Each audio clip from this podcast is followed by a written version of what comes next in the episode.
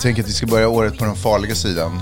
Så jag börjar med att spela lite Michael Jackson.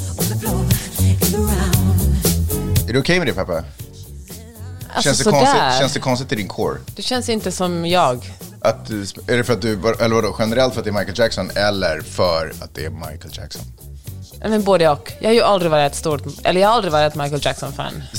Jag har en grej med pedofiler som jag... Det är exakt det jag skulle komma till. Är ditt problem är, är ditt, alltså att det spelar, är det problematiskt för att han är pedofil, eller var? Eller hade redan innan de anklagelserna så hade du tyckt att så här, varför startar vi med Michael Jackson? Alltså, ja på båda. Jaha. Han, o- otrolig musik. Eller? Nej, inte för dig. Alltså det är inte för mig helt Lyssna på det här. Är du med? Du, ja, du kan ju låten. Peppe, är du med? Really, she is not my lover. She's just a girl, and she said I am the one. Nej, det, jag testar mig själv om jag ska vara helt ärlig med att spela lite Michael Jackson. Om jag har nämligen funderat på det där. Vet du vad, vi kanske kan komma in på det. Hur mår du Peppe? Är läget? Välkommen till bra. 2024. Tack, vi Du ser klarar inte en det. dag ut äldre än 2023. Åh, That's how we roll here, here with, complimangs. så... Komplimangs! Är det en sån där otrevlig komplimang från dig? Eh, Komplimangs? Ja. ja, det skulle det faktiskt kunna vara. Eh, nej, men du ser otroligt ut Peppe och jag är väldigt glad att du är min fru även detta. I början på det här året i alla fall. Vi får se lite, vi får se hur det går. Vi får se. Ja. Du lyssnar på Magnus och Peppes podcast.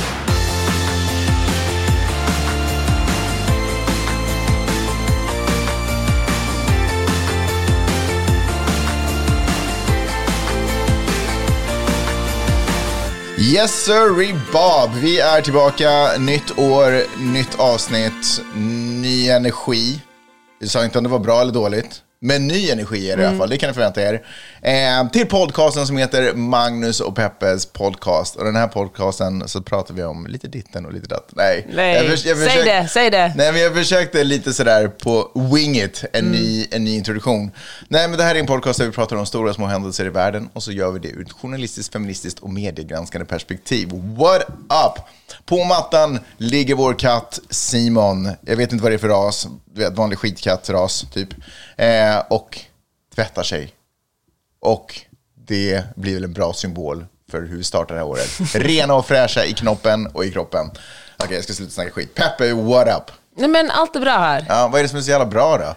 Nej men jag... eh, Vilken energi kommer du in med i året? Det är ju det jag är nyfiken på. men jag kommer in med bra energi. Ja. Det kommer att hända mycket det här året. Är det så här, första januari, nya tricks. Nu börjar vi. Nej, men- 0-0, nu börjar vi. Är det så det är? Eller Men jag, jag alltså skoja om det, men jag känner att det är ganska skönt. skoja om det? Skoja om Vad betyder Nej. Nej men folk är sådär, "Åh, det, är bara, det är bara ett datum, det betyder ingenting. Men jag känner verkligen att Nej, men man ska vadå? inte förminska symboliken i nytt Alla år. möjligheter till restart. Ja, alla fattar att det allt är hittepå. Jag Alltså kör måndag. datum är som pengar, det är Va? bara hittepå liksom. Alltså vi har bara universellt Fast kommit man- överens om att det är på ett visst sätt Alltså, och sen man- spelar alla med i det spelet. Man kan ju köpa mycket coolare grejer med pengar än man kan med datum. I alla fall än så länge. Gud, kommer, alltså du har verkligen trätt in i liksom pappaskämtseran. Är det så här resten av mitt liv kommer att Jag vara? bara observerar plattityder och jag eh, känner klyschor. hur din humor verkligen eskalerar. Men det här är ingen Nej, men får jag bara humorgrej. säga, jag vill bara säga att allt är, det, det är ju hittepå, eller vi är en grej vi har kommit överens om, men man ska inte förminska det, för att uppenbarligen så kommer man ganska långt med mycket pengar. Mm. Och datum, om man, symboliken i dem kan verkligen ha en stor betydelse.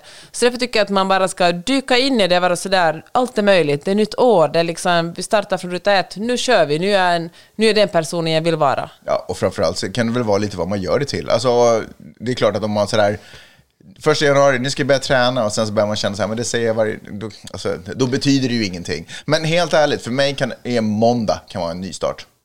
Ja, en torsdag eftermiddag kan vara en ny start. Ja, ja det har jag aldrig gjort. Men, Nej, men testa. potentiellt. det är möjligt. potentiellt. Men jag känner också så här, det där med att börja träna eller meditera eller yoga, om man verkligen inte vill göra det, då ska man inte göra det. Man måste ju, om man ska hålla på och börja nya saker, så gör någonting som gör dig glad. Jag tycker att fler människor borde lova, brr, borde lova sig själv roliga saker. Ja. Så jag, kan, jag ska rida och surfa mer det här året. Drog du fram ett litet nyårslöfte plötsligt ur hatten? ja. Det, vad var det där för bubbelljud? Jag skulle vilja att din mun torkar ut lite under året. Om man får, om man får önska sig nyårslöften. Eh, ja, här, är ett, här är en tips. Eh, En tips. här är en tips. Det är lite för sent för det i år. Eh, men inför nästa nyår, för att ge mer tyngd till nyårslöftet, börja veckan innan. Ja, det är väl jättebra. Vad smart. Kom in med Du skjuts. som en coach. Hör du, eh, jag eh, åt lunch idag med eh, några kompisar, varav en... Ja, får jag bara säga, för jag var inte riktigt klar där. Okej, förlåt. Eh, därför att tjuvstarter är ju de bästa starterna. Alltså om det skulle Okej, vara... hej Donald Trump. Nej, men om det skulle vara tillåtet i, i race och löp, uh, grejer att tjuvstarta, skulle ju alla göra det. Så det är ju obviously en grej man borde göra. Men där finns det ju regler, för att där måste vi ju mäta vem som var bäst. Det måste man ju inte göra i livet. Man måste inte mäta vem som är bäst. Så därför kan Mm. man verkligen unna sig att tjuvstarta. Okej, vet du vad? Jag tänkte skämta bort det, men det är faktiskt helt sant. Min eh, vän och kollega Maja, hon gör ju det också åt andra hållet. Ja. Hon säger att innan en semester, en ledighet, då ska man börja trappa ner i god tid. Så Ja, det hon tjuvstartar med slappet. med slappet. Ja. Nej, men, Nej det- men jag skämtar inte, jag, Vad- jag skojar inte. Vad man än känner att man behöver eh, den lilla extra skjutsen för att liksom få ett litet övertag, tjuvstarta. Okej. Och 2024, s- näst, låts, vi kan låtsas att det rimmar på att tjuvstarta. För det kan, alltså verkligen otroligt tips. Eh, du skulle berätta någonting om att du har varit på lunch. Nej men så här, i vår familj... Eller vill du bara berätta att du har ätit? Jag har ätit. Ja. Men i vår familj hugger vi ju på varandra så fort någon säger någonting fel. Mm. Alltså det är ju, det går inte att, att uttala ett ord fel. Också. Eller andas eller någonting. Så då kämt, får den andra genast kämpa om det. Ja. Och eh, idag var jag ätit lunch med en person som jag aldrig har träffat tidigare. Och eh, ibland har svenskar svårt att förstå den finlandssvenska sjuan. Alltså tal, siffran sju. Ja, sju. Mm, sju. Sju. Alltså vilket är konstigt, för på Djursholm säger man sju också. Och på engelska, om man talar om skor, säger man sju. Ja, shoe. Ja, just det. Fast då pratar man inte om en siffra. Nej. Man kan inte vara the age of shoe.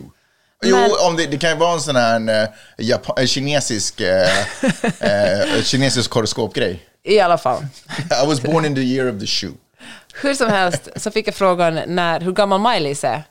Och då kände jag på mig att det här kommer att bli jobbigt. Så jag övervägde verkligen att säga sex eller åtta. Men så tänkte jag, fuck it, jag säger det. Sju. Fast hade du sagt sex hade de säkert så här, ah, hon vill bara prata om sex hela tiden. Mycket möjligt. Jag tror att folk vill missförstå dig. Ja, kanske det, jag vet. Kanske var en härskarteknik, Ja, teknik, vad vet jag. teknik, ja. Och, och då sa jag ändå sju, och hon, hon bara, sju? sju? Fast Va- på... varför- Du försökte säga 27 nu, eller Ja. Ja, det var, det var jättegrötig jag version av det. jag bara, sju? Ja, Hon bara, nej, sju! Och sen sa jag till sist, sju. ja. Sju. Ja. Varför kan du inte säga sju? Sju. Det var- Det är så konstigt. Men du pratar ju ändå mitt språk. Sju. Sju.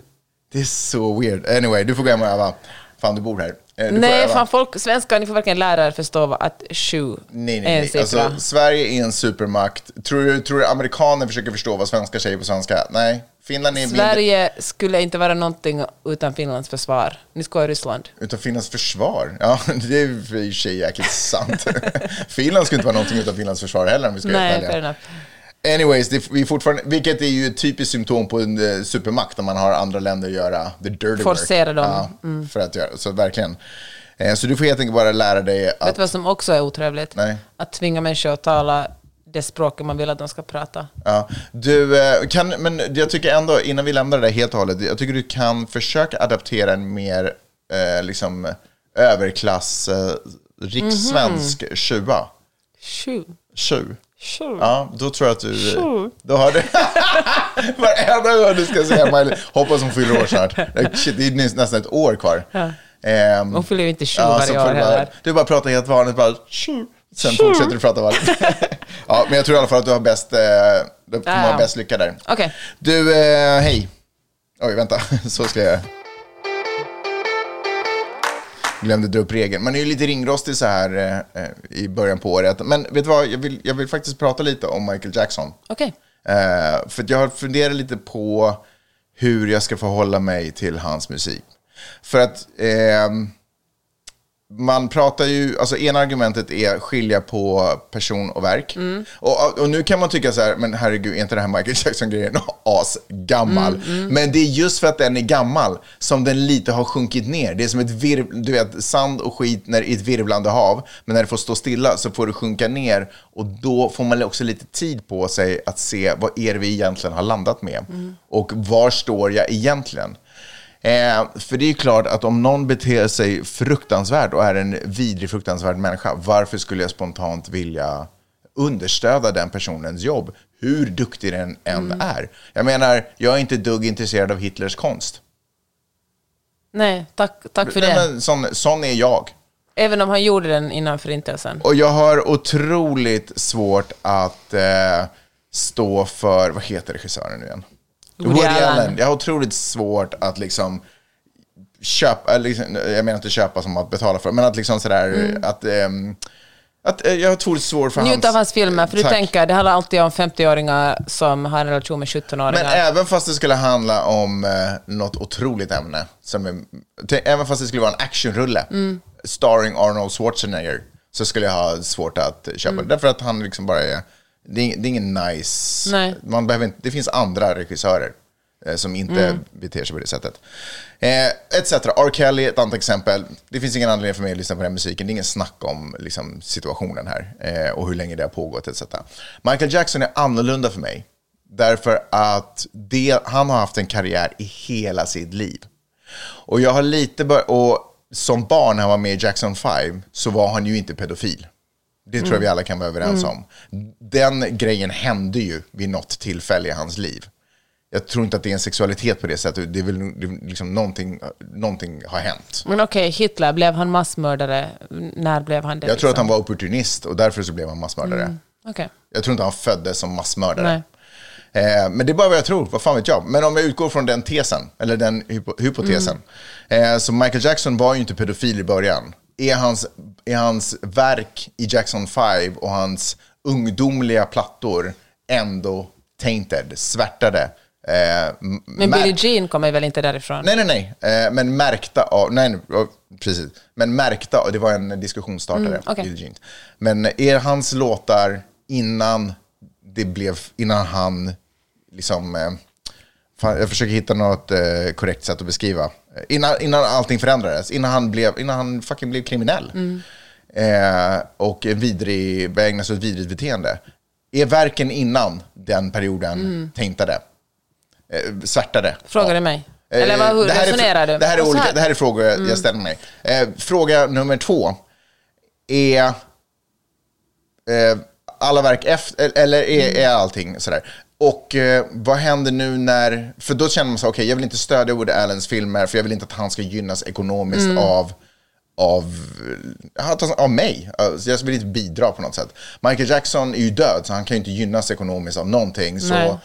är det, öppnar Blir det arvsskuld liksom? Ja, eh, precis, precis. Faller straffet på hans eh, arvtagare och barn eller vad det är som kanske då inte är Mm. kriminella och vidriga personer utan som kanske är bra människor. Det vet jag ju inte de facto. Men är verken fortfarande Mm. eh, svärtade av och märkta av hans fruktansvärda, det han, det han gjorde. Eh, så där någonstans är jag lite när jag började lyssna på hans musik och kände fan jag gillar ändå musiken fortfarande.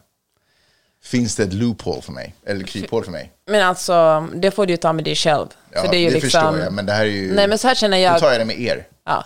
Jag tycker att, det är lätt för mig att säga eftersom jag aldrig har varit ett Michael Jackson-fan. Så du känner skit i det från början? Ja. Nej, men jag känner så här att eh, Michael Jackson har såklart haft, hans musik har ju påverkat en massa andra artister. Ja. Alltså Justin Timberlake, och, alltså hur många som helst. ja. Ja. Men jag tänker också här att inte lyssna på Michael Jag uppskattar Jackson. ändå att du kommer med ett exempel på vem han har, kan ha påverkat. Men det har varit mycket snack om Justin Timberlake i vår familj. Delvis på grund av Trolls-filmen som. Ja, vår har sjuåring gillar mycket. Precis, och vidare hittade Justin Timberlake inte på grund av trolls. Nej. Han, gillar- han hittade Sexy Back häromdagen. Ja, Vilket, jag tycker det är en ganska bra låt. Jag tycker Ja. den hör till de bästa. Och vet du vad jag plötsligt förstår när jag lyssnar Va? på låten? Jag har ju helt missuppfattat låten. Vad handlar den jag tror om? att det handlat om en sexig rygg. Men han tar ju tillbaka det sexy i musiken. Så här, han, jag tänkte att han är nöjd med... En torso. Han är nöjd med sin, hur han har tränat på gymmet, så I'm bringing the sexy back. Så här, vad tar du till knytkalaset? I'm bringing sexy back.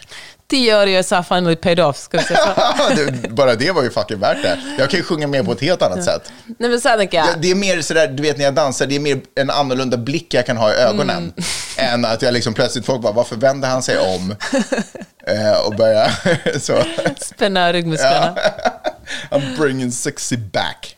Yeah. Okej. Nej, så här. Alltså jag tror att, eller så här tycker jag, kanske inte lyssna på Michael Jackson av respekt mot Michael Jacksons offer. Mm. Och kanske andra som också är offer för pedofili. Och detsamma gäller väl Woody Allen. Jag tycker att det skulle vara fruktansvärt om någon har begått ett hemskt brott mot mig och sen håller andra på och njuter av den Ja. personens verk. Det, det är ju såklart att ingen, det är såklart inte förbjudet i lag. Polisen kommer ju inte att knacka på dörren och säga att du är arresterad. Nej, nej. Men, men jag tänker inte. att det är också en respektfull handling. Men jag tänker också, jag, jag tänker mer typ så här, du vet det hårdragna cancel, cancel inom situationstecken cancelkulturen. Mm. Den hårdragna där, var, bli, hur, kan, man, kan man dömas i den domstolen så att säga? Ja. Eh, vad, jag- vad, vad tror du jury skulle säga här? Fast jag tänker att de allra flesta som ropar cancelkultur blir ju aldrig cancellade. De får ju komma tillbaka. Och så nu pratar också, du ju om från andra perspektivet. Nej, men jag tänker också att uh, cancel culture är ju mest uh, konsekvenskultur. När man gör någonting vidrigt. Ja, ja, men var det ett vidrigt beteende att spela Billie Jean i början på den här podden? Nej, men jag tyckte det var respektlöst. Vidrigt Mm. är nu kanske att ta i, men jag skulle inte spela hans musik. För det, det, För det är sant, för offren, de skiter i, alltså om de har en Jackson 5-låt, så de, för de har ju en bild av Michael Jackson. Mm. För Michael Jackson, för dem, är ju aldrig olika åldrar, utan det är ju den som utsatte dem för Precis. ett övergrepp. Eh, så det kommer ju vara för, alltså namnet är ju redan triggern, bara där. Eh, men, det så- där hänger också lite ihop med, alltså sådär, alltså det hänger typ lite ihop med frågan, vem vem, är man, vem blir man i himmelriket? Blir man sitt unga oskuldsfulla jag? Blir man den man var när man dog? Eh, Som kan ha gått igenom personlighetsförändringar i och med andra olyckor? Eller blir man liksom när man var som friskast och starkast? Förstår du vad jag menar? jag förstår precis. Jag tänkte, det är väl en fråga vi alla tänker på. Eh, Okej. Nej, men eh, jag känner så här också att det är väl... mm, Det handlar ju bara om en, också om en själv liksom. Är det, varför är det så otroligt viktigt för mig att argumentera varför jag skulle få lyssna på en pedofil? Kanske det väger tyngre för jag tycker att musiken är härlig och det gör mig glad, eller jag lyssnar på den under en period av mitt liv där då jag var lycklig och glad, eller det påminner mig om min ungdom. Vad fan, men, men, och jag tycker det är viktigare än att, än att folk som har blivit utsatta för pedofili eventuellt tycker att liksom... Eller det är inte... Jag, alltså, vem bryr sig? De kommer aldrig att få veta att jag lyssnar på Michael Jackson. Nej, handlar ju om en egen nej. kompass liksom. Hur man, Fast idag känns det som att det är superviktigt och att liksom alla moves man gör, speciellt om man gör någonting lite officiellt på någon socialt media, Ja. ja. offentligt, på någon socialt media eller till exempel i ett poddformat, att man verkligen vet vad man gör, eh, så att man Mm. Verkligen. kan argumentera för det. Och det behöver inte alltid ens räcka eller hjälpa, eller det är inte alltid räddningen, men Vet du, det håller jag med dig. Jag är ju väldigt sträng när vi talar om cancel culture och säger att det är konsekvenskultur. Men jag måste hålla med dig om det. Jag tror att väldigt många censurerar sig själva i förhand, självcensurerar sig själva eftersom man är så rädd att någon ska kunna ta någonting man har sagt eller skrivit Ja. ur sitt sammanhang och vända det och sen ska det komma en blodtörstig mobb och följa efter en. absolut. Jag vet hur massvis som bara väljer att inte ens prata om saker. Ja, och det tycker jag är tråkigt, för jag tycker ett sätt att eh, förstå och liksom komma fram till nya tankar och idéer är att säga saker som kanske inte är 100% genomtänkta och sen diskutera dem. Mm. Sen kan man ju, efteråt kanske man har fel, men det betyder att man säger någonting ogenomtänkt betyder inte att man är en genom ond människa. Nej. Det måste man ju, och därför tycker jag att när man lyssnar på poddar och läser texter ska man försöka förstå dem välvilligt och försöka för, tycka, eller så som man i relationer ska göra, man ska snälltolka. Snälltolka allting och uh, ända tills man kommer mot, märker att nej, tydligen var den här personen pedofil eller rasist eller vad vet jag, kvinnohatare. Och då kan man såklart ta den diskussionen och vara hård. Men eh, jag tycker att en stor del av den kulturen som vi kanske lever i just nu, kanske vi är på väg ut ur den, handlar om att, eh, den att, man som människa, att man som person kan bli positionera sig själv genom att peka på att någon annan har gjort fel eller tyckt fel eller sagt det- någonting fel. Och då handlar det mer om en själv än om den person som gjort fel, utan man vill bara visa att man är en, en bra människa som verkligen kan peka ut andra människor. Så att, äh, jag tycker det är otroligt komplicerat. Sen tycker jag till exempel att många så här, jättevälavlönade standup-komiker som skriker cancel culture och ändå får så här miljonkontrakt eh, med Netflix det är bara skrattretande. Alltså, det, det är inte, att, att bli kritiserad är inte att bli cancelled. Alltså, man, folk måste förstå skillnaden mellan att få kritik och att, att eh, bli deplattformerad.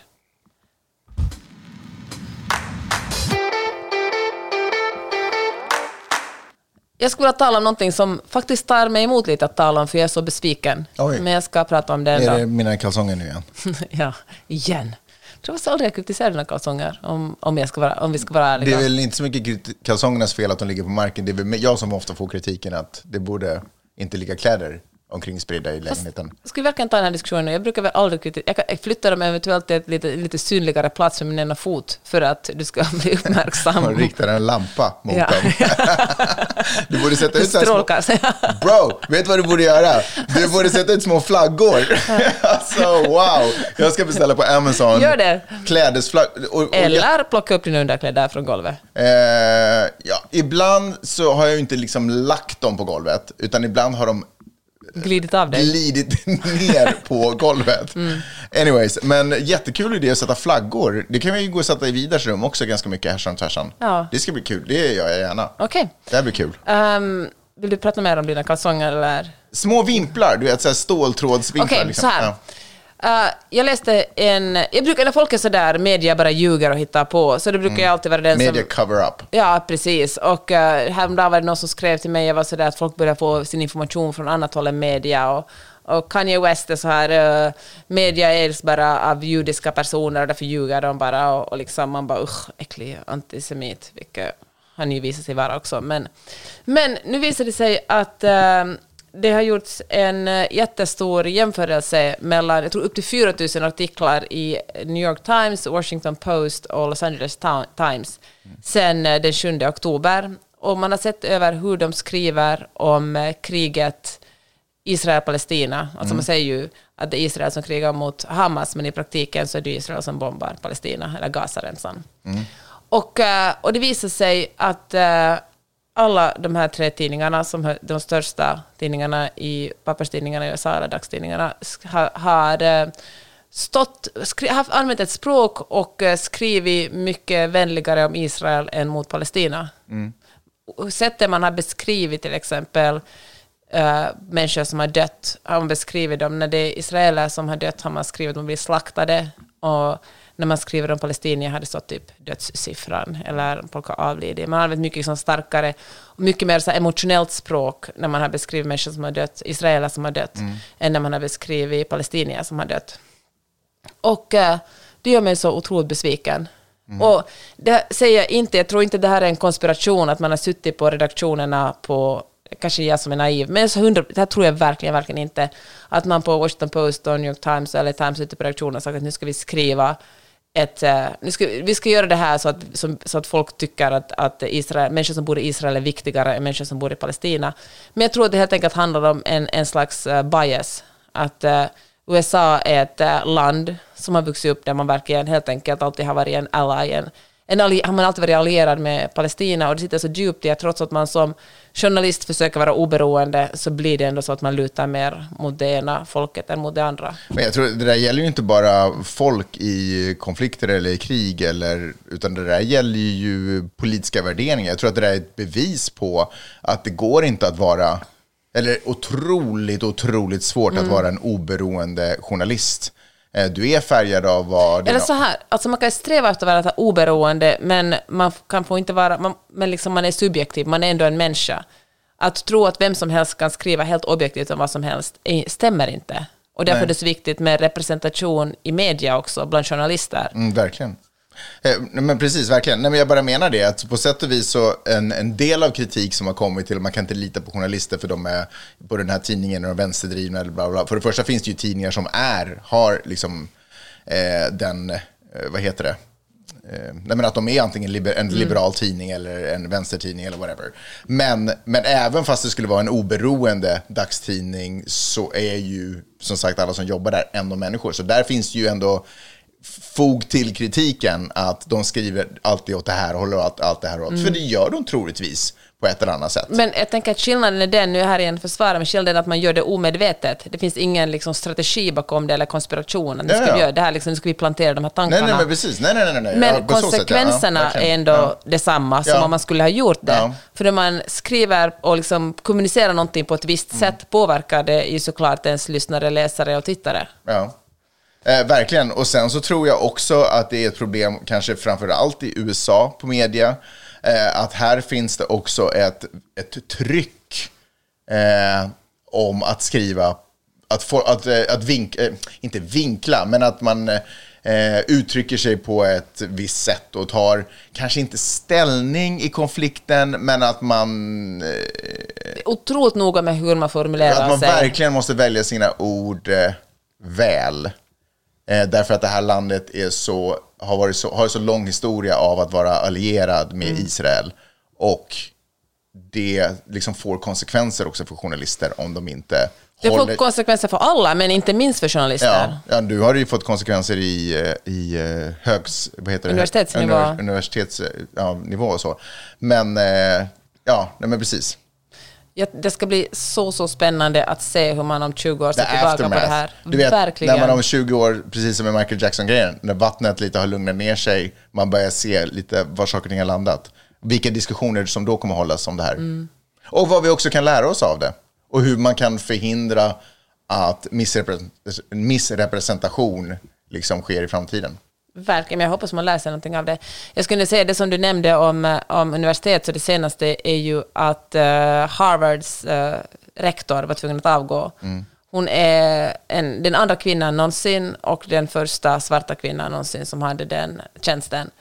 Och eh, hon blev först kritiserad efter, så, efter att eh, det pågick, många unga protesterar för Palestina just nu. Och så var det många demonstrationer på, på, eh, på, eh, på Harvard och då sa många israeliska och, och judiska elever, studenter, att de kände antisemitism, vilket säkert stämmer. Jag tänker att antisemitism kan absolut existera, samt, alltså, eller, och det existerar, det är inte ens en fråga om det, det finns det. Och eh, då blev det en utfrågning i kongressen och då upplevde många att Claudine Gay, som den här rektorn hette, att hon inte uttryckte sig tillräckligt, hon var inte tillräckligt hård mot, mot, dess, mot antisemitismen. Hon borde liksom satt ner foten tyngre, om man säger så. Och då ledde det till att eh, många, att, det, att ma- man grävde fram, folk som liksom från högerflanken grävde fram att hon hade hon hade gjort fel i citering när hon på typ 90-talet, eller väldigt länge sedan. Och eh, då fick hon avgå på grund av plagri, plagiat, Plagiat. Plagiering. plagiering ja. Ja, det är... mm, Det är en soppa, men det finns ju del av det där historien som också handlar om en högerextremistisk grupp som försöker underminera eh, högre utbildning. Det det är ju också en liten del av historien. Det handlar inte bara om vad är individers syn på eh, på Israel, Hamas, vad är liksom fria studenters eh, rätt att uttrycka sig i protester. Det, det är en del, men jag tänker att det är ganska mycket en rökridå av vad som händer. Det här är en, en möjlighet för en annan grupp med andra intressen. Ja, det handlar, sakfrågan handlar inte om Israel, Nej, Palestina eller nej, Hamas, utan det handlar det. helt enkelt om att... Jag eh, tror att det är ett fult spel därför att många är känslomässigt, det är så mycket känslor så att man inte ser klart om vad som pågår under, att det finns en annan entitet som utnyttjar den här, det här kaoset. Verkligen. Och den Men- här oron eh, av att säga rätt och gör, bete sig rätt och bete sig korrekt. Och också oron för människors liv. Verkligen. Nej, men verkligen. Uh, jag vill tala, vi kan ta, jag kan, vi talar mer om det här snart. Och samma grej. Jag menar, uh, som hänger ihop med det här. Vill du ta hela den här grejen igen eller? Nej, vänta nu. Okej. Vad är det som hänger ihop med den här? Nej, men hur det amerikanska folket verkligen har, hur det sker en förändring just nu. Jag tycker den är otroligt spännande eftersom, som vi talade om just så, amerikaner traditionellt varit väldigt allierade med Israel och det finns många som eh, kommer ihåg liksom intifadorna och liksom hur det har varit, hur det, alltså bussbomber och bilbomber i Tel Aviv och liksom hur och eh, fredsprocessen och, man, eh, och man, man står helt enkelt traditionellt på Israels sida. Och det här liksom gen, äldre Gen Xers, alltså vår generation och äldre, och boomers och liksom folk som är, alltså människor som är lite äldre. Men nu kommer en, och kanske till och med millennials faktiskt, äldre millennials. Men nu kommer en ny generation, Generation, Z, som eh, verkligen är sådär, men herregud, vad håller ni på med liksom? Som inte har de här, så att säga, de här, den historiska det historiska, jag tänkte säga sammanhangen, men det är liksom inte ett sammanhang, utan den kultur som har varit i USA. Eftersom delvis på grund av, eller tack vare sociala medier som TikTok, så får man en rapportering direkt från Gaza och man liksom har kanske en större möjlighet att läsa vad andra medier skriver runt om i världen. Och eh, börjar och känner allt mer att, vad är det, att det som sker just nu inte är okej. Och den här gruppen är en grupp som unga människor som traditionellt också har röstat på Demokraterna. Och, eh, och jag tror att det här kommer att bli ett stort problem för eh, Joe Biden. För att i hans, eh, han har räknar räknat med att eh, många människor från, så här med ursprung i liksom arabländer från Mellanöstern har traditionellt röstat på Demokraterna på Biden för de tänker att det är liksom en mer sympatisk politik man för. Och, eh, och sam, samma sak med, med unga liberala människor. Men nu, ja, men nu sker det verkligen en stark förändring. Och än så länge är det en ganska liten grupp. Alltså en majoritet av amerikanerna är absolut liksom, mest av allt på Israels sida och tycker att det är bara bra att de visar att de, de bara försvarar sig. Jag, jag tror ingen liksom vill ju att barn ska dö att de vill liksom inte höra om det. Men de känner ändå sådär att det är Israels rätt att försvara sig själv och försvara sitt land. Medan de yngre människorna är sådär att men vänta, det här är alltså att bomba sjukhus och skolor, att, att liksom bomba flyktingläger, det verkar inte okej. Det har liksom dött över 20 000 palestinier när det jämfört med ett drygt tusen israeler. Så det sker en, liksom en, det är någon slags rörelse som är på gång nu och jag tror inte, eller det ser inte bra ut för Joe Biden.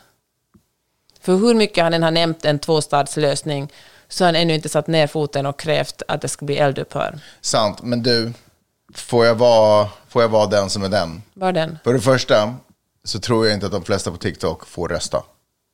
Vet du vad, det är en jättestor... Det är bara min med första. Gen Z. Det är bara min jag, första. Ja, jag tror att du underestimerar TikTok faktiskt. Ja, det är min första grej. För det andra så upplever jag också att de som är på TikTok och den TikTok-generationen, deras koncentrationsspann är så kort. Så nu brinner de mycket för det här. Nu är det här stort. Men du vet, sen plötsligt så är Taylor Swift gravid.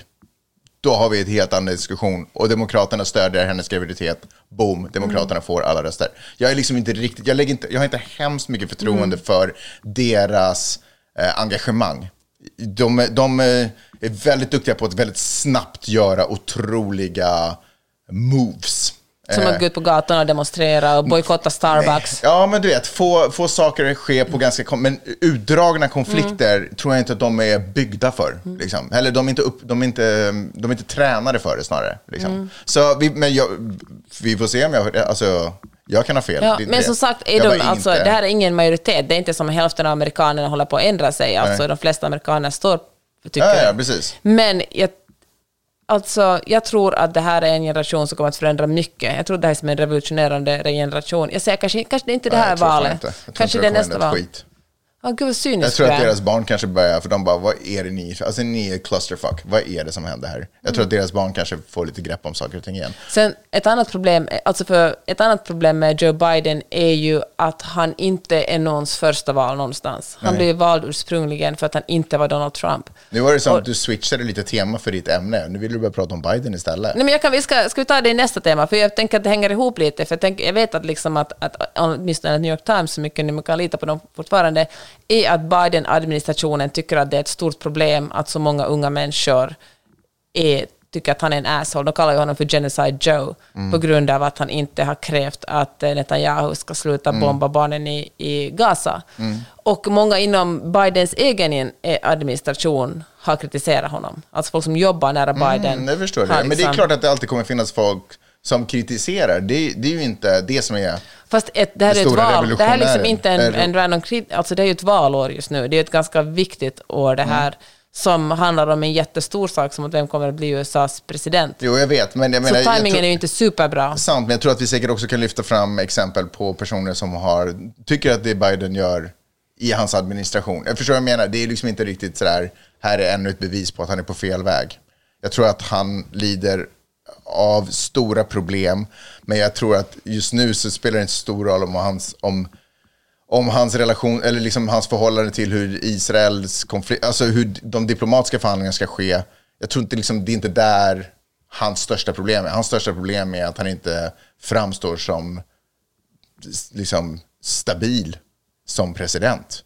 Och att han inte har lyckats sälja allting bra han har gjort. Så att det har, ett, liksom, så att det har gjort ett bestående intryck på människor. Det som jag håller med om är att, eh, vet du vad, jag tror faktiskt inte ens det där är så viktigt. För jag tror att man också i det här valet kommer att rösta på, det finns två kandidater och det, antingen är det inte Trump eller så är det inte Biden. Men Trump pratar ju, nej men exakt. Folk proteströstar, man, Ja. därför tror jag faktiskt det inte är så viktigt för Biden att få fram, alltså shit samma vad han gjort och inte gjort. Folk, tycker, folk vill främst att inte Trump ska bli vald eller att inte Biden ska bli vald. Förstår du vad jag menar? Ja, jag hör precis vad du säger. Så- Men jag bara menar så mycket fokus på vad Biden har tyckt och tänkt om Israel och Hamas. Men ingen har frågat vad tycker Trump om Israel och Hamas. Förstår du vad jag menar? Det här är ju inte, Men grejen är det är inte en att- stor nej. väljarfråga. Det är faktiskt, vanligtvis brukar utrikespolitik aldrig vara en stor fråga, men faktiskt just i år så är det det. Nej, jag tror fan inte det. Vanligtvis är ju ekonomin den största frågan, men nu kommer det liksom... Jag tror att folk i USA, precis som många andra delar av västvärlden, just nu är mest upptagna med sig själva. Jag tror att enda men- anledningen till att sådär, Ukraina får ens lite patroner är ju för att det sitter politiker eh, och det sitter regeringar runt omkring i världen som ser ett större perspektiv som bara, vi måste göra det här. För hade det varit, upp till, hade det varit folkomröstning i varje land så tror jag inte att det hade varit, i början säkert, men inte nu. Okej, men alltså, ja, sant, alltså det är klart det, alltså någonting händer Jag tror att vi precis alla så- tänker på oss själva just nu. Fast det är en sak som man kan, klart alla känner, tänka på sig, det där är en sak som du säger som inte betyder någonting alls. Man kan säga att Trump kan bli vald för att alla tänker på sig Nej, själva, Biden det- kan bli vald för att vi något. kö- äta spagetti där för att alla tänker på sig själva. Klart alla tänker på sig själva. Nej, det är inte alls. Varför är det så himla självklart? Jag Nej. tycker inte att det alltid har varit så. Jag tycker att det funnits en större empati för vad andra människor känner och går omkring i världen som har varit längre än ett ett TikTok-klipp. Liksom. Fast att, det är det ju nu, alltså unga människor är otroligt engagerade. Har du sett så många protester? inte Jo, bara i USA, folk går de- ut på Det är gatorna. sant, men de är engagerade i nya saker varje månad. Fast, ja, fast nu har de ju varit ända sedan oktober. Mm, det är ju stort. Nej, jag är inte så imponerad. Det är allt jag säger. Vad krävs det alltså? Vad krävs det för att du ska vara imponerad då? Eh, Jag krävs bevis på att det är en ihållande rörelse. Så jag antar att jag kanske dömer för tidigt, men vi får se. Jag bara litar inte på det. Det, det är vad jag tycker och tänker om det. För jag ser inte de här TikTok-rörelserna som var väldigt mycket om, om situationen i Ukraina. De ser jag inte så mycket längre. Men jag du ser är inte ens folk, på TikTok. Jag ser inte folk som är ute och pratar, ja men de läcker ju alltid över till Insta-reels. Jag, jag De ser, har inte kommit ännu, Magnus. Nej men de är ju borta. Det är Ja. ju ingen som bryr Ja, sig. Det fast- pågår ju fortfarande. Ja, men jag måste säga det är också lite farligt Ryssland att... är också fortfarande ett Vet du vad jag fruktansvärt ser hot. i mina Insta-reels? Ja. Surfing och hästar. Det är ju Nej, men jag, det är men, inget bra alltså, för världen. vi, den här podcasten är mer seriös än att vi kan på något sätt använda våra egna algoritmförstyrda feedar som ett bevis på att någonting händer eller inte händer i världen. Okej, det har inte läckt till nyheterna. Åtminstone det du pratar om, Israel-Hamas-protester, har läckt till nyheter så jag möter det i gammelmedia. Det gör inte det andra. Det gör inte eh, Rysslands Men jag tror faktiskt eh, inte våld det har varit... Nej, jag håller helt... Alltså, jag, två saker kan existera samtidigt. Jag håller helt med om att Ukraina inte känns lika... Inte känns lika... Jag tycker inte det var samma... Det var inte samma demonstrationer mot Ryssland. Alla var ganska överens om att det är dåligt, att Putin är dålig. Men jag tror att, att skillnaden här är att det här landet är uppdelat eftersom traditionellt är man så på Israels sida. Men nu sker det verkligen demonstrationer mot någonting som USA är van att vara emot. Nu är man för det. Nu är man sådär pro-Palestina-demonstrationer. Jag tror det är det som är unikt. Man har inte samma emotionella koppling till Ryssland och Ukraina. Det, jag tror det är det som är Ja, den stora skillnaden. Nej, men alltså bara... Ja, nej. Eh, he, alltså, jag, nej. Det är... Ja. Det är inte en... Jag tror inte... Det som du pratar... Jag du förespår, tror inte att, att Israel och Palestina kommer att ha något med valet att göra? Eh, Jag tror inte att det kommer vara en stor eh, valfråga, nej, det tror jag faktiskt inte. Ehm, och jag tror inte att Gen Z kommer vara den stora revolutionsgenerationen. Eh, det tror jag absolut inte. Eh, tack för mig.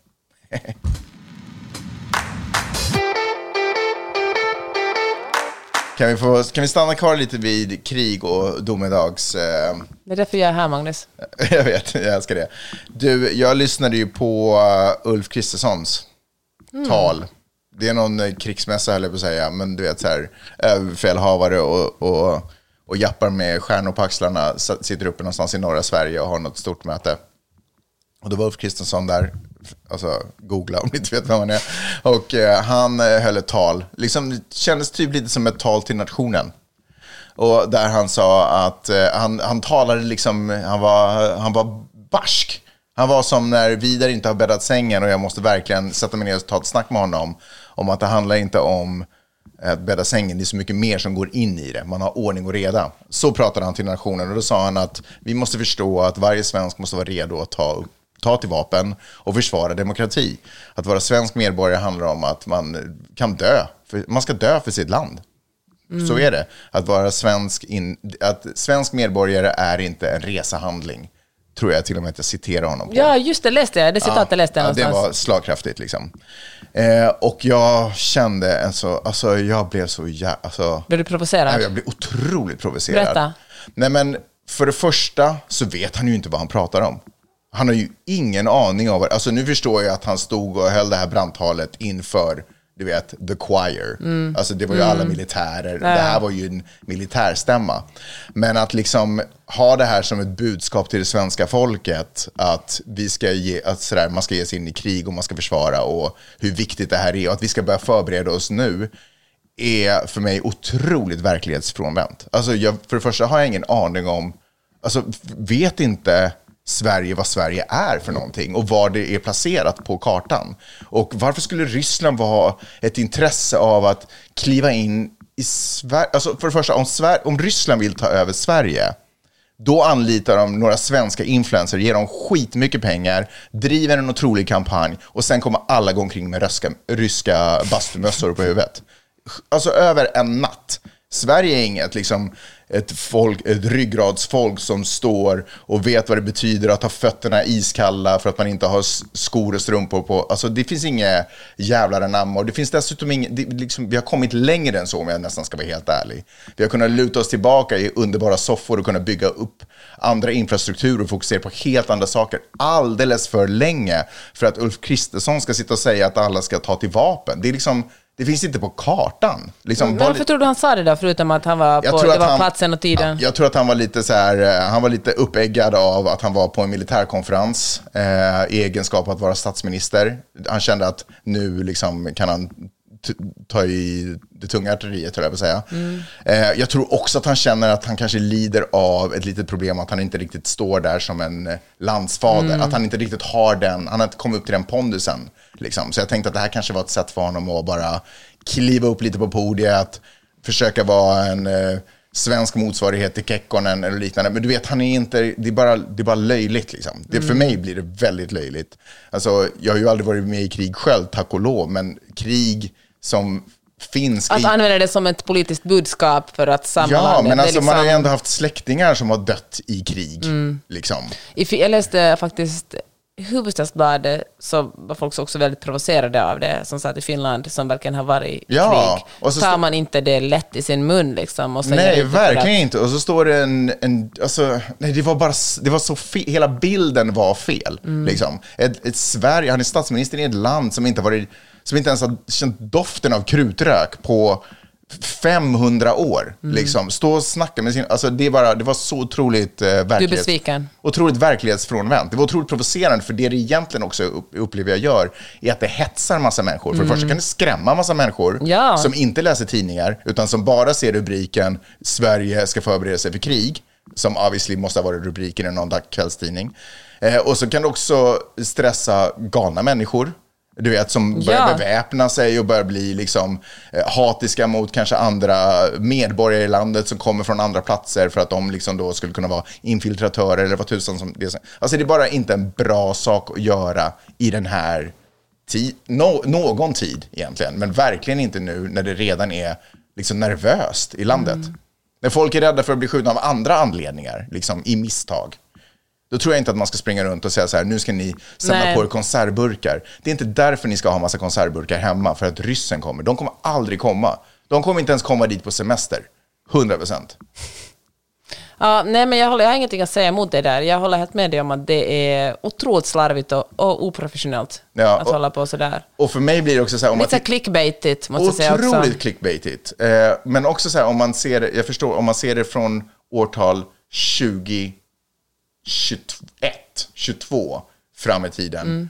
Fine, kanske det var ett statement som finns. Men om man tittar på det ur ett liksom 50, 60 års, 70, 80, 90, ett större perspektiv. Om man tittar tillbaka på vad äldre generationer har gjort och gått igenom. Så är det ju, alltså det är så, det är så otroligt eh, histori- ohistorieförankrat. Historielöst. Historielöst.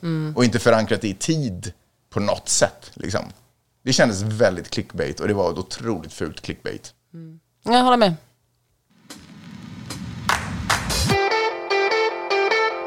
Nej, men alltså, förlåt. Tror han att han är någon Mannerheim, liksom? Eller tror att han är någon Churchill? Alltså, det var ju bara... Vad fan snackar de om, liksom? Ta ut Sverige ur en ekonomisk kris. Foka där. Få ner räntor och få upp lite pengar i folks fickor. Istället för att hålla på och snacka om hjälmar och vapen.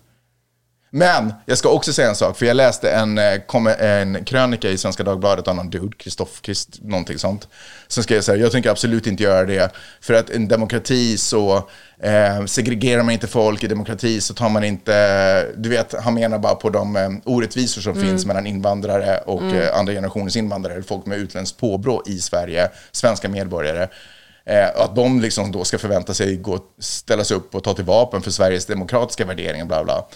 Och där kan väl ändå tycka, för han menar att det är inte, eh, demokrati är inte att eh, ja, men segregera vad han nu har. Jag tyckte att han hade ganska fel poäng, för demokrati handlar väl egentligen bara om folkets möjlighet att styra. Det handlar inte så mycket om resultatet av det Nej. egentligen. Och vårt uppdrag är ju att förstås vara så många som vill stå för rätta och goda värderingar så att landet styrs åt rätt håll. Men även om landet styrs åt fel håll är det fortfarande en demokrati, så länge det är demokratiska eh, spelregler som appliceras, om du förstår vad jag menar. Jag förstår. Och jag tycker absolut att det är någonting som är värt att försvara. Men det är inte det som är hotat just nu. Nej. Nej, håller med.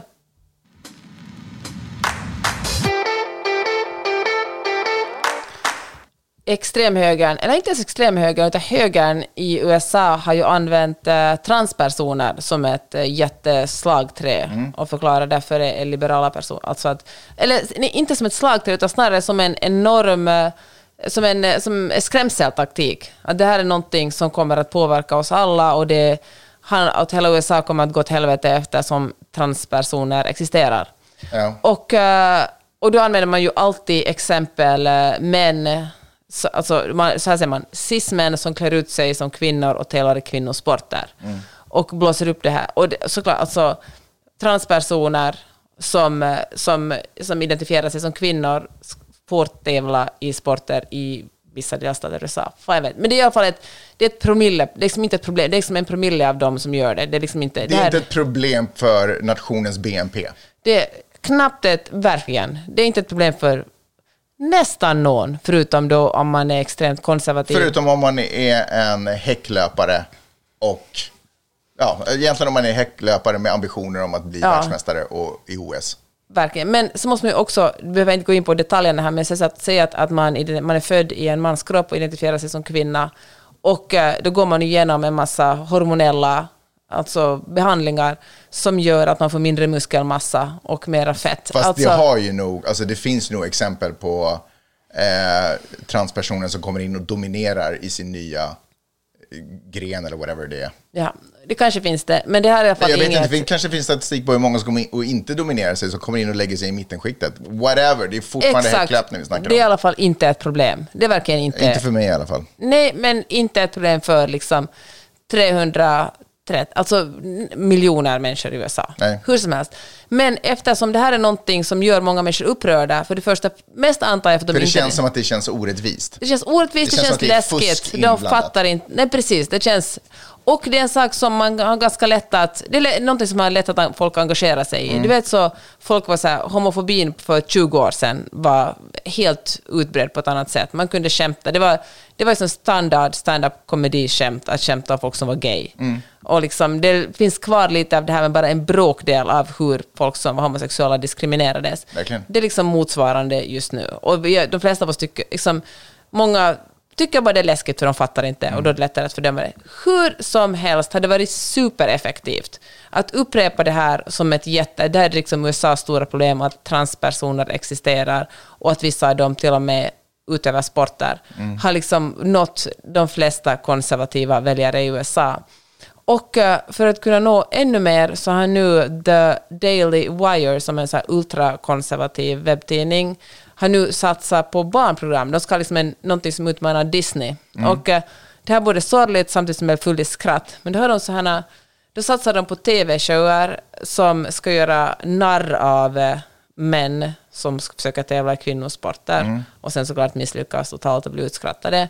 Men, ska, men det är liksom det är själva poängen. Och så har du tv-shower där, där som en chinchilla-familj som blir hemskolad, för hemskolningen är mycket bättre än, än skolskolningen, för man kan ju inte heller lita på lärare, för de kanske talar om homosexuella och transpersoner. Och eh, jag vet, det känns så... Jag, jag känner hur extremt... Eh, att göra politisk TV och jag, liksom, jag har liksom, och rikta det till barn känns på något sätt så... Det är som propaganda. Det känns som någonting som skulle ske i Nordkorea eller eh, Ryssland eventuellt, eller någon annan liksom fullständigt icke-demokratisk eh, stat. Men de små segmenten av det amerikanska samhället fungerar ju på samma sätt. De drivs ju av en stark ledare som talar om vad alla ska göra och allting som inte faller innanför en, en också till och med lite tillsnävd norm eh, liksom puttats ut eller ska straffas på något sätt. Också väldigt aggressivt liksom ton. Ja, men på något sätt finns det en viss ironi där också, att det är också den delen av USA som Ja. talar väldigt starkt om frihet och att vi vill vara fria från att allt annat förutom den här extremt snäva normen. Ja. Men ja, precis. Ja, det är ju otroligt ironiskt att de drar sig till superkommunistiskt eh, liksom, tänkt, eller diktatoriskt tänkt Ja. överhuvudtaget. De som är de, liksom, inom... Men fast vet du vad, för de, är ju, de har ju missuppfattat sk- skillnaden mellan att vara fri, det vill säga välja sitt eget, sin egen väg, och att tillåtas vara den de tycker att man ska vara. Förstår du vad jag menar? Alltså för dem är det viktigare, de upplever att deras sätt att leva är hotat för att andra lever på ett annat Mm. Ja, men sätt. precis. Ja. Eh, så de vill liksom, för dem det, har de blandat ihop konceptet frihet med att få välja själv vem man vill vara och frihet för vad andra får välja vad man vill vara. Liksom, ja, du förstår Mm. Ur deras Det speglar liksom. dem, Ja. upplever de på något sätt. Eh, att allting är för, håller på att förfalla. Ehm, Men den osäkerheten, då blir det ju också logiskt att man beundrar så mycket en auktoritär ledare. ja. Alltså, det är ju otroligt tryggt att ha en person som säger åt en exakt hur man ska leva. Men jag ska säga en sak till om, eh, om eh, just sport. Jag tror också att det är lite svårare för oss i eh, Norden att förstå. Eh, och vilket är också sjukt, för vi adapterar ju en del av den där retoriken, fast den egentligen härstammar från någonting annat.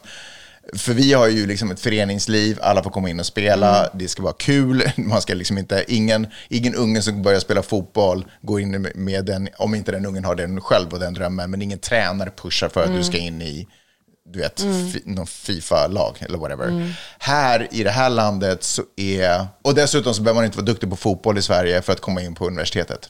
Nej. I det här landet så är sport väldigt Mm. mycket också kopplat till ens... Liksom, Framtid. man kan göra en klassresa med, Mm. tack vare sporten. Eh, du kan inte göra en klassresa hur du än skulle försöka i typ Finland och Sverige. Nej, det är sant. Eh, Så här så tänker jag också att när man hör de här exemplen, för här innan så var det ju redan innan trans var en transfrågan var en grej ens, så då var det ju flera som till och med var upprörda över att svarta kunde få, eh, att de kvoterades in på vissa universitet eh, med idrotts eh, scholarship som då vita upplevde att de inte fick fast de var minst lika duktiga på whatever, spela basket eller vad fan det nu var. Eller inte bara idrott, utan i alltså många Jo, universitet. jag vet, men framförallt, men idrott är ju en väg väldigt mycket för folks, eller för ungdomar som inte har eh, De ekonomiska pengarna resurserna. eller någonting som kommer från Eller områden. akademiska. Ja, Men också handlar ju om, man måste också komma ihåg det här att, att akademiska resurser och ekonomiska resurser hänger ofta ihop. Ja. Alltså skolorna är väldigt olika och bor du på ett område med en bra skola med jättebra lärare har Mm. du kanske, eller har du mm, större akademiska möjligheter än... Så jag bara menar, därför tror jag också att det här transgrejen, att man knyter den till sport, ger en annan spin Mm. Ja, i det här verkligen. landet. För folk Ja. bara, wait, Det har jag inte tänkt på, men du har ju min, helt rätt i Min det. nephew kom in, tänk hur ska det gå för min nephew i framtiden om den ska börja tävla Mm. mot, då, då plötsligt så vinner de inte tävlingarna som kan vara nödvändigt för den personen att få, du vet massa så här tankar Mm. Ja. som går på spinn Det, på det. sport är så otroligt emotionellt och viktigt i det Och här landet. viktigt. Ja, nej, jag hör dig. Nu tog de ju bort affirmative action, hette det, alltså som du kanske var inne på, som handlar om att eftersom eh, USA är så rasistiskt och segregerat så, var det, så hade svarta och andra people of color svårare att komma in på universitet. Också på grund av att de bodde på fattigare områden och därför hade mindre akademiska möjligheter, inte bara monetära. Och det fanns något som hette affirmative action som gjorde att man skulle hjälpa, göra det mer, ett större, en större mångfald på universiteten. Som också i längden är jättebra, det som vi talade om i början av podden, att för att kunna, ett bra samhälle är ett samhälle med mångfald. Det finns olika sorters journalister, journalister med olika hudfärg, med, av olika kön och så vidare. Och så vidare. Detsamma gäller läkare, advokater, alltså ingen av oss är helt neutrala, därför är det bra med mångfald. Och det gjorde faktiskt det, att många, att universiteten fick en, en större mångfald. Men bara för, alltså ett halvår sedan tror jag det var, så bestämde Högsta domstolen, som just nu har en konservativ majoritet, att eh, affirmative action är olagligt. Alltså universiteten får inte ta in elever på basen av Kvotera. deras eh, hudfärg. Eller det får inte ens, man får inte, behöver inte säga kvotera, men ofta är vanligt, inte på de, eh, inte delstatsuniversiteten som till exempel eh, UCLA som är ett eh, Kaliforniens universitet, de har aldrig haft essäer tydligen, eller åtminstone inte på sistone. Utan med de privata universiteten, som också styrs mer som företagen, som verkligen akademiska universitet, så har man kunnat skriva en, ofta en sån här essä som förklarar varför man ska bli vald. Och, eh, och då, där brukar det ofta framkomma vilken hudfärg man har och vilka, man har, vilka sorts motst, alltså vilka hinder man har haft i livet om man kommer vidare från dem. Men det, uppma- det ska man inte skriva om nu, för att universiteten är också rädda att bli anklagade för att kvotera in någon. Så de är superkänsliga om man skriver att man är svart eller vad vet jag, latino eller latina. Så kanske de väljer bort den för att de inte vill bli eh, Och de, stämda. en- och vita är de enda som inte pratar om vilken färg, Exakt. hudfärg de har, så därför så blir det lättare att vita kommer in. Alltså vad är det för land vi lever i, Magnus? Det är inte bara land, det är, bara, det är ju världen. Liksom. Mm. Och det, det som också är så dumt, alltså, då hör man hur eh, diskussionen runt transfrågan i USA, hur de argumenten, hur de smittar till Sverige som har, lever under helt andra förutsättningar, helt andra liksom, Ja. helt annan kultur eh, och sådana saker. Och har, du vet, så det blir, då blir det ju ännu mer deprimerande när man bara adapterar det, det riktigt onda, så att säga. Det koncentrerade, Men saftkoncentratet, det det, som man om? inte vill dricka. Men det handlar ju också om det att, eh, eller mest av allt om det, att det är sånt som väcker känslor. Ja, precis. Det Alltså, är ju exakt all- det. vi lever ju verkligen liksom i en känslokultur. Ja. Man borde stänga av sina känslor ett tag. Ja, eller kanske Zooma ut, zona ut från känslorna. Ja, för känslor, det är ibland bara hjärnan som gissar. Boom.